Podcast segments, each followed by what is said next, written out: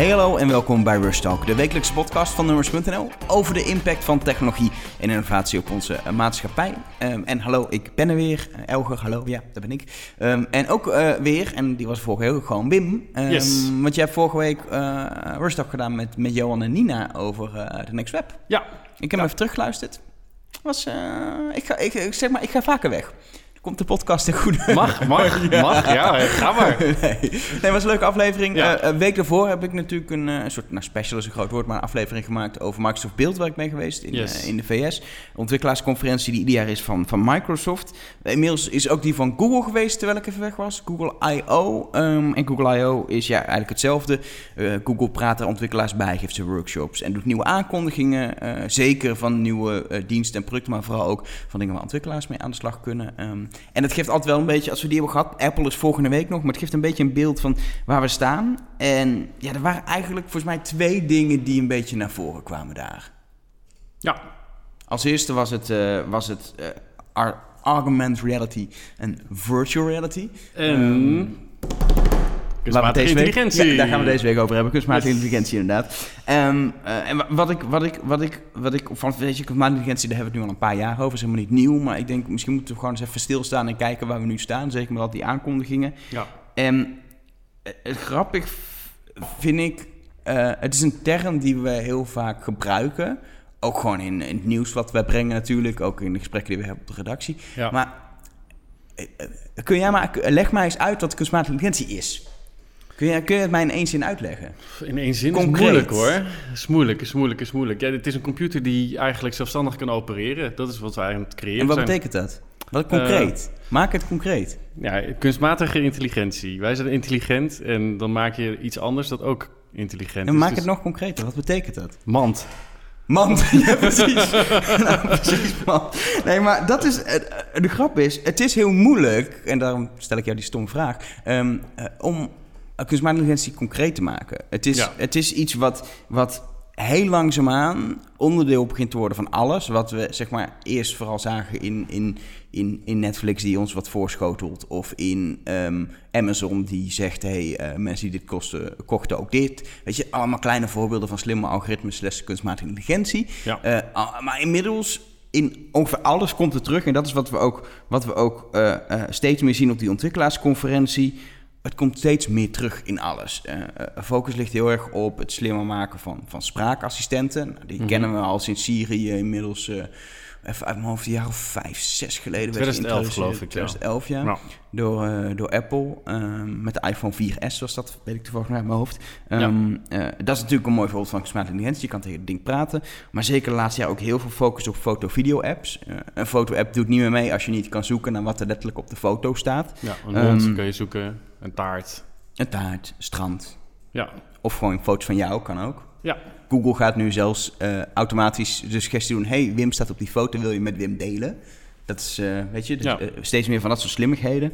Um, maar eigenlijk zijn dat ja, allemaal voorbeelden. En zo kun je kunstmatige intelligentie uitleggen aan de hand van heel veel voorbeelden. Het voorbeeld vind ik leuk dat je automatisch suggesties krijgt... hoe je kan reageren op een, op een mailtje met standaard teksten...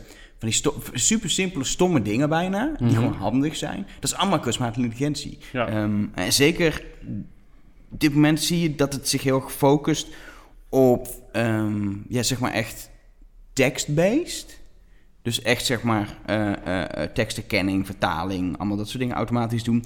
En op, op beeld. En dat zijn gewoon de twee gebieden waar tot nu toe het heel lastig was om kunstmatige intelligentie op toe te passen. En dat zie je nu, nu die technieken er zijn, eigenlijk overal in terugkomen. Elk product wat iets met, met tekst of foto of video doet, krijgt nu kunstmatige intelligentie. En dat is, dat is wel opvallend, omdat, weet je, je merkt het niet. Merk, merk jij kunstmatige intelligentie als jij het gebruikt?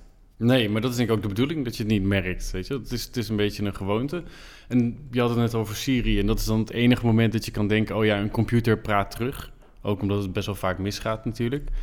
Um, dan ben je bewust van die kunstmatige... in ieder geval, ja, soort van bewust van die kunstmatige Mensen noemen die, die, die slimme assistenten, virtuele assistenten, hoe je ze wil noemen... noemen ze ook wel eens gewoon... Mensen noemen dat ding wel eens kunstmatige intelligentie. Ja. Siri is, is een kunstmatige intelligentie, denk ik altijd, ja... is het een ding. Weet je, het is, niet, het is niet... Dan denk je dat er ergens zo- een kunstmatig vrouwtje of mannetje zit... wat Siri is. Ja. Ergens in een server ver weg. Maar dat is het niet, weet je. Dat is het moeilijke er ook aan natuurlijk. Dat het, het is heel erg alomtegenwoordig. Het, het is heel veel en we hebben er een verzamelnaam voor. En Ja. het, is, het is gewoon vaag. Is zo. Ja. En, ehm, eh, volgende stap daarbij is... eh, ehm, dat, nou, dat zagen we zeker op Microsoft Beeld, op Google I.O. Eigenlijk geen grote aankondigingen, maar vooral heel veel producten die werden verbeterd. En het ging allemaal om AI, AI, AI, kunstmatige Ja. intelligentie all over the place. Maar tegelijkertijd bieden dat soort bedrijven, en ook Amazon is daarmee bezig, kunstmatige intelligentie eigenlijk ja, aan als een, een dienst. Die je gewoon, als jij een app ontwikkelt of een dienst ontwikkelt, dus ook software schrijft, kun je gewoon uit de cloud, kun je gewoon kunstmatige intelligentie ja, huren eigenlijk. Je betaalt Ja. gewoon per keer dat je het gebruikt. En dat begon al een beetje met simpel een voorspelling. Eh, ik, ik, de voorspelling noem ik altijd het webwinkelvoorbeeld. Stel je hebt zelf een webwinkel, dan kun je alle data erin schieten van wat mensen hebben gekocht. En dan kun je die suggesties terugkrijgen. Dus volgens, als je hem eenmaal hebt getraind, want je moet kunstmatige intelligentie trainen, Ja. krijg jij als je, als je eh, drie producten inschiet, krijg jij een vierde suggestie terug die overeenkomt met het koopgedrag van mensen. Eh, altijd die voorspellingen, dingen waren eigenlijk de eerste kunstmatige intelligentie die als zo'n dienst beschikbaar kwamen. Volgende stap is nu dat je ook eh bijvoorbeeld die fotoanalyse. Wat staat er op een foto? Hoeveel mensen staan erop? Eh, lachen de mensen of kijken ze sip? Eh, dat kun je Ja. nu gewoon in de cloud doen. Vertalen zonder probleem. Je schiet iets in en krijgt, krijgt het antwoord terug. En dat betekent, en dat vind ik heel leuk, dat het nog makkelijker wordt om die kunstmatige intelligentie overal in te stoppen. Weet je, als wij, weet ik veel, op Numrush eh kunstmatige intelligentie willen toepassen...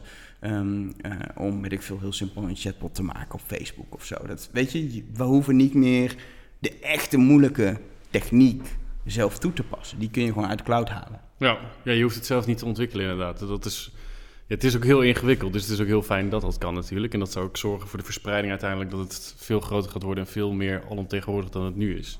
Ja, en, en uiteindelijk is een soort, volgens mij, laatste stap daarin. Dat nu zie je nog dat, weet je, het zijn allemaal losse dienstjes. En inderdaad, je foto-app, daar kun je naar zoeken naar wie er op de foto staat. Of eh, eh, je kan met Siri praten, of dat soort dingen. Nou ja, dat is iets wat we de laatste jaren zien opkomen. Wat inmiddels in korte tijd eigenlijk bijna al een beetje normaal is geworden dat het kan. Al werkt het soms een beetje crappy. Ja. Eh, weet je, we zien dat, denken cool en gebruiken het of gebruiken het niet. En dat is het. Maar het zijn allemaal eilandjes. Mhm. Het is allemaal losse dingen. En het wordt volgens mij pas echt interessant. En dat is nu de volgende stap. Als het gaat samenwerken. En, Ja. en eh, ik was natuurlijk bij Microsoft. Die waren er heel erg mee bezig. Van hoe kunnen we dit laten, laten samenwerken? Hoe kunnen verschillende apparaten samenwerken? Hoe kan een gesprek wat jij met Cortana, dat is de assistent van, van Microsoft. De Siri je- van Microsoft. De, Siri van Microsoft. Wat jij, wat, jij, wat jij voert, zeg maar, thuis. Dat je dat over kan pakken als je de auto instapt. Gewoon Ja. verder kan praten. Ehm, dat, eh, weet je, dat je, je, je Siri-speaker die je zou hebben... of je Amazon Echo weet van het bestaan van je tv... en dat hij daar iets naartoe kan sturen. Van die hele simpele dingen. Het zijn nog veel handigheidjes op dit Ja. moment. Hè? Dat, dat is wat je nu ziet bij, dat zie je ook bij die, bij die conferenties, bij I.O. en eh Beeld ook. Dat het, het zijn vooral handigheidjes die zij presenteren als kunstmatige intelligentie. En dat klopt ook wel. En nu zijn het nog die, die kleine stapjes en we gaan nu naar, naar grotere stappen eigenlijk. En een van die voorbeelden eigenlijk ehm, die we de komende jaren gaan zien, die, waarbij kunstmatige intelligentie een hele grote rol gaat spelen, is de zelfrijdende auto natuurlijk. Ja. Die, ja, die hangt er gewoon helemaal vol van. Dat is, dat is een systeem die moet uiteindelijk gaan detecteren of die mensen moet gaan ontwijken, of die wel door moet rijden, wat hij moet doen. En dat gaat hij eigenlijk zelfstandig doen. En dat is wanneer je het wat groter gaat zien dan die handigheidjes die we nu hebben, denk ik. Nou, ik vind het ook altijd leuk. Mensen, mensen hebben het vaak over, over kunstmatige intelligentie natuurlijk in verband met robots. Want dat zou we naar kijken. En heel veel kunstmatige intelligentie die we nu zien is heel erg eigenlijk softwarematig, Ja. dienstgericht. Dat zit in je telefoon, in een app, et cetera. Ja. Ehm, robots aan de andere kant, dan wordt het een fysiek ding wat, wat, wat eigenlijk compleet zelfstandig opereert op basis van kunstmatige intelligentie. En de zelfrijdende auto is eigenlijk de, de, de eerste robot die we echt gaan loslaten in de praktijk. Natuurlijk zijn er wat robots, armen en dat soort dingen in fabrieken, dat wordt er Mhm. echt al veel gebruikt. Maar echt robots die gewoon compleet zelfstandig vrij gaan opereren op de stofzuigerrobot na, is Ja. toch de zelfrijdende auto. Ja. Het is een robot. Ja.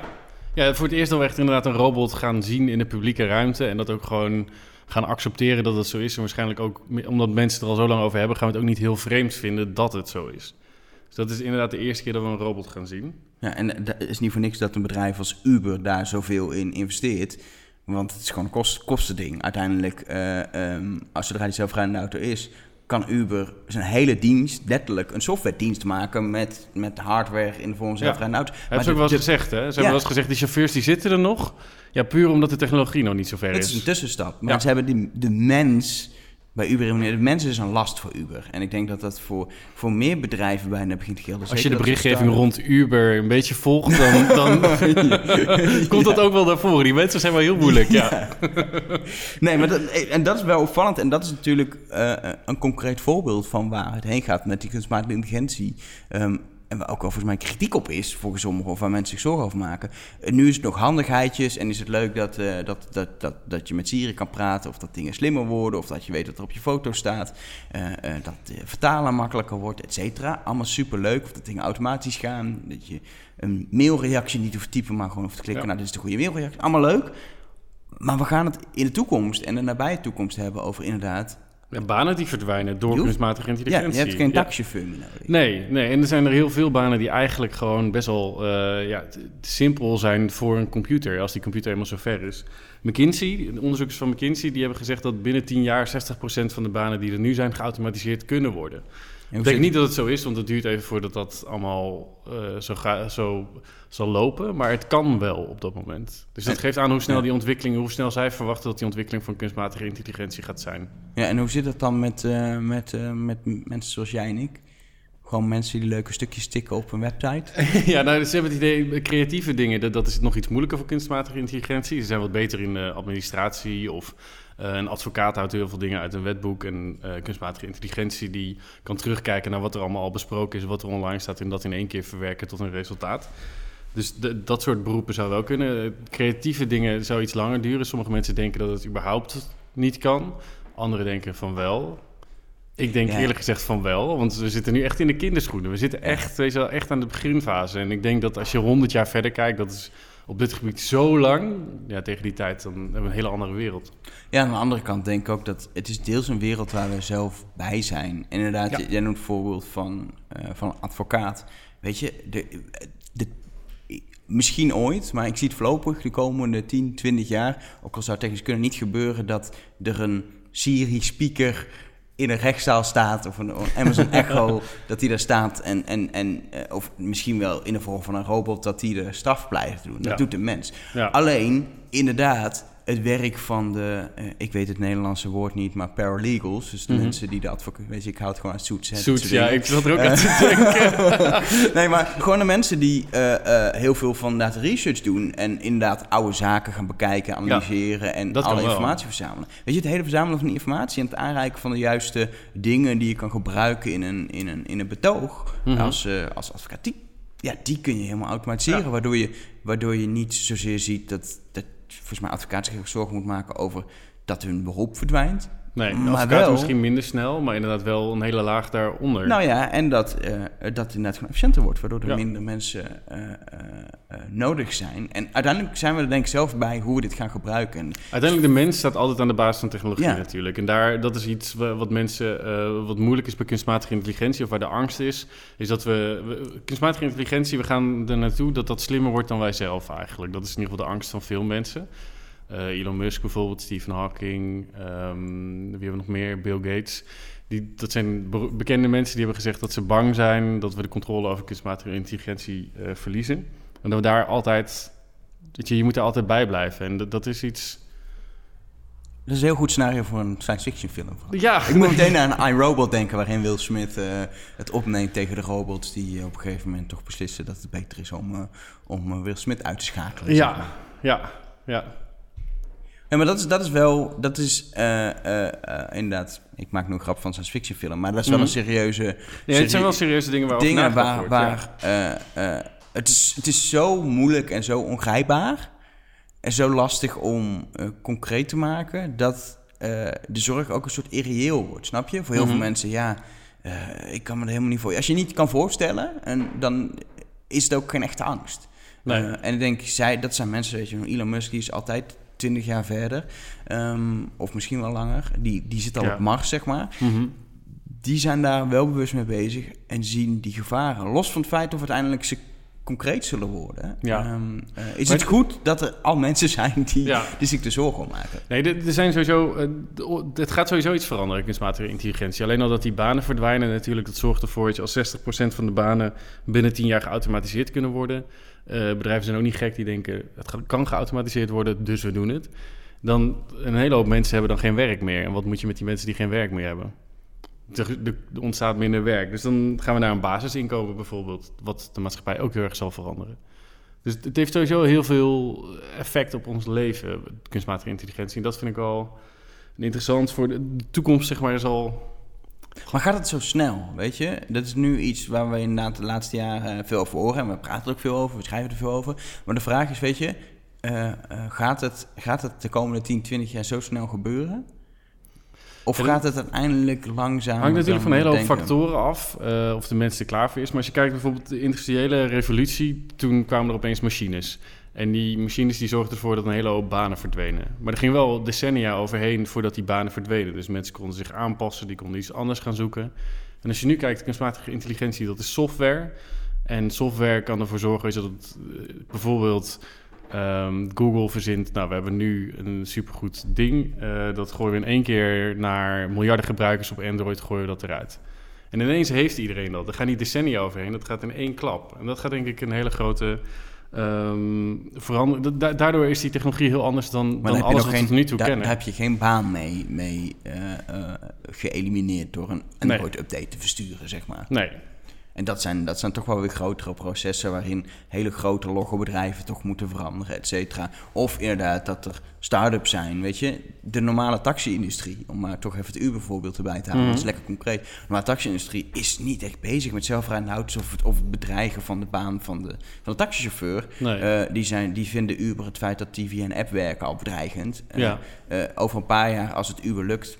Tot nu toe is het eh, wat twijfelachtig hoe een, of een zelfrijdende auto gaat. Maar stel, ze hebben over tien jaar een goede zelfrijdende auto die de weg op kan, et cetera. En ze kunnen overal taxidiensten aanbieden. Nou, dat kunnen ze dan waarschijnlijk tegen lagere kosten dan, dan met mensen, et cetera. Ja. Ja, dan, weet je, dan is het niet de taxi- taxi-industrie die verandert, maar dan is het zo'n partij die die industrie verandert. En eh, dat is natuurlijk wel waar we, het, waar we het vijf jaar geleden of zo begonnen over te hebben, is Mhm. die disruptie van, van de maatschappij. En ik denk zeker ook bij kunstmatige intelligentie dat dat deels gaat, gaat gebeuren. Is dat er externe partijen komen Mhm. die kunstmatige intelligentie, robots gebruiken om, om banen te elimineren, e- eli- elimineren, Elger. Ja. elimineren.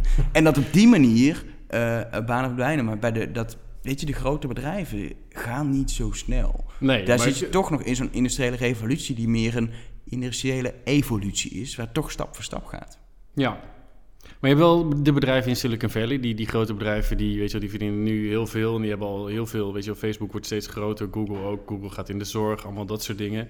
En die, die, die worden steeds meer overkoepelend naar andere dingen. Dus het, het hoeft niet zo te zijn dat er zelfs een nieuwe start-up komt als, zeg maar, Uber is relatief nieuw. Maar het kan ook zijn dat die bedrijven zich gaan bemoeien met dat soort dingen. Dat die zeggen, ons systeem is nu zo goed, dat wij bijvoorbeeld die paralegals kunnen automatiseren Ja. in één klap. En dan zegt een advocatenkantoor, prima, wij eh, sluiten een licentie af, doe ons dat maar. En er zijn trouwens, wel een leuk detail, in ergens in Azië, pin me even niet vast op welk land, eh, is, er- is er al een advocatenkantoor die eh, serieus Ja. een aantal mensen heeft ontslagen. Het gaat echt om 20 mensen. Ja, maar heeft vervangen door computersystemen. Dus weet je, er zijn al plekken wat gebeurt. Alleen de, grootscha weet je, de grootschaligheid van onze wereld of onze eh, misschien wel westerse economie. Mhm. Of het, dat, dat, die zal remmend werken, denk ik, gelukkig op, op dat soort innovatie.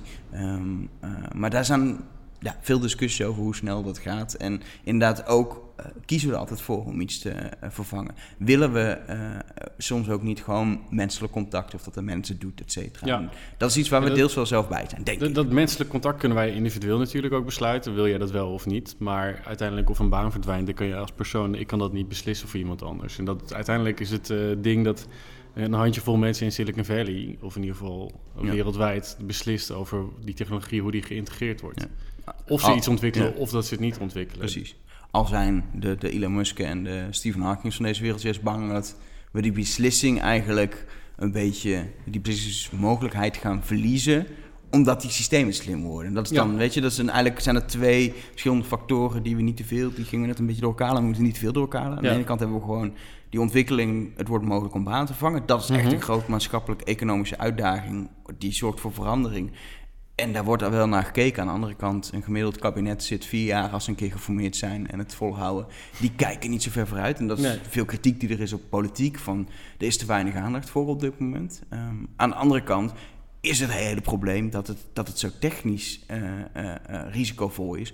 Dat die systemen echt slim worden. En dat het Mhm. echt concreet gevaar zou zijn. Dat is de andere Ja, kant. het Europees Parlement die heeft afgelopen jaar regels opgesteld, of in ieder geval richtlijnen opgesteld voor kunstmatige intelligentie. En die hebben, ook die hebben daar serieus in opgenomen, moeten we een kill switch aanbrengen, zodat als dat zo slim wordt dat wij het niet meer onder controle hebben, dat we het alsnog de nek om kunnen draaien.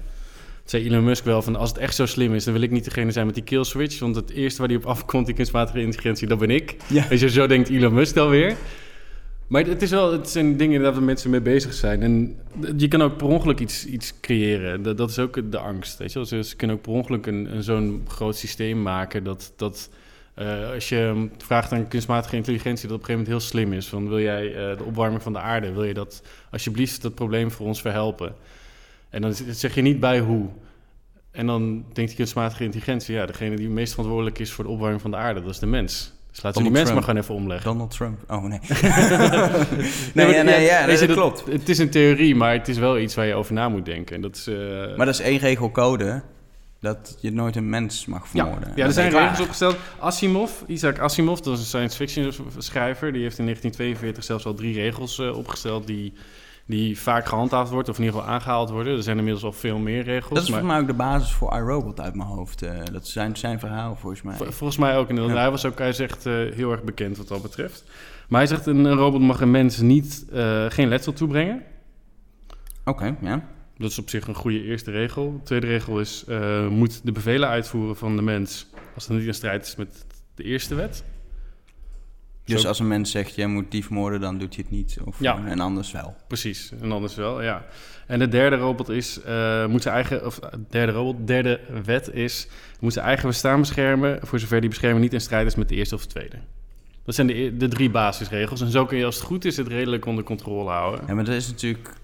Het zijn van die soort van hele algemene, bijna een soort tien gebodenachtige Ja, wetten, noem ik hem even. Ja. Maar die natuurlijk, de technische vertaling daarvan en eventueel toch weer een soort van loopholes die daarin zitten. Het is Absoluut. niet, het dicht niks af, zeg maar. Het Nee. is een eh, goede filosofie. ja. Ehm, en eh, inderdaad, het klinkt als je, nou, je, je, je hoort het, je leest het, je denkt, nou ja, klinkt logisch. ja. Maar de praktijk is natuurlijk Ja, niet, de- niet zo simpel als drie regels. En die, die drie regels kun je nu opnoemen, maar je weet niet hoe het over tien jaar is. En dat is inderdaad heel ingewikkeld, omdat het ook zo snel gaat.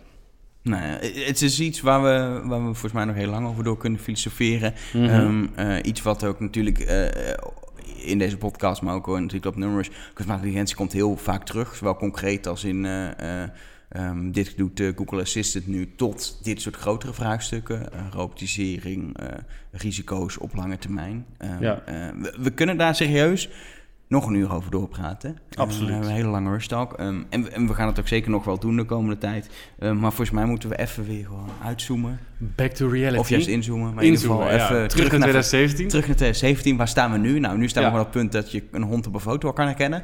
Ook hartstikke leuk. Ook hartstikke Ehm, leuk, ook heel handig. ehm, maar op dat vlak, ehm, eh, in het begin zei ik al, we hebben Microsoft Google gehad met hun aankondigen, hun ontwikkelaarsconferenties. Veel kunstmatige intelligentie, veel toepassingen, zeker op beeld- en, en, en, en spraakassistentgebied. ja. Ehm, Apple is volgende week. Yes. En, en ding is een beetje, wat gaan we daar horen van kunstmatige intelligentie? Ja, is grappig, hè? want die, die komen uit een hele andere achtergrond dan Google bijvoorbeeld. Ja. Die, die hebben niet zoveel data, dat willen ze helemaal niet.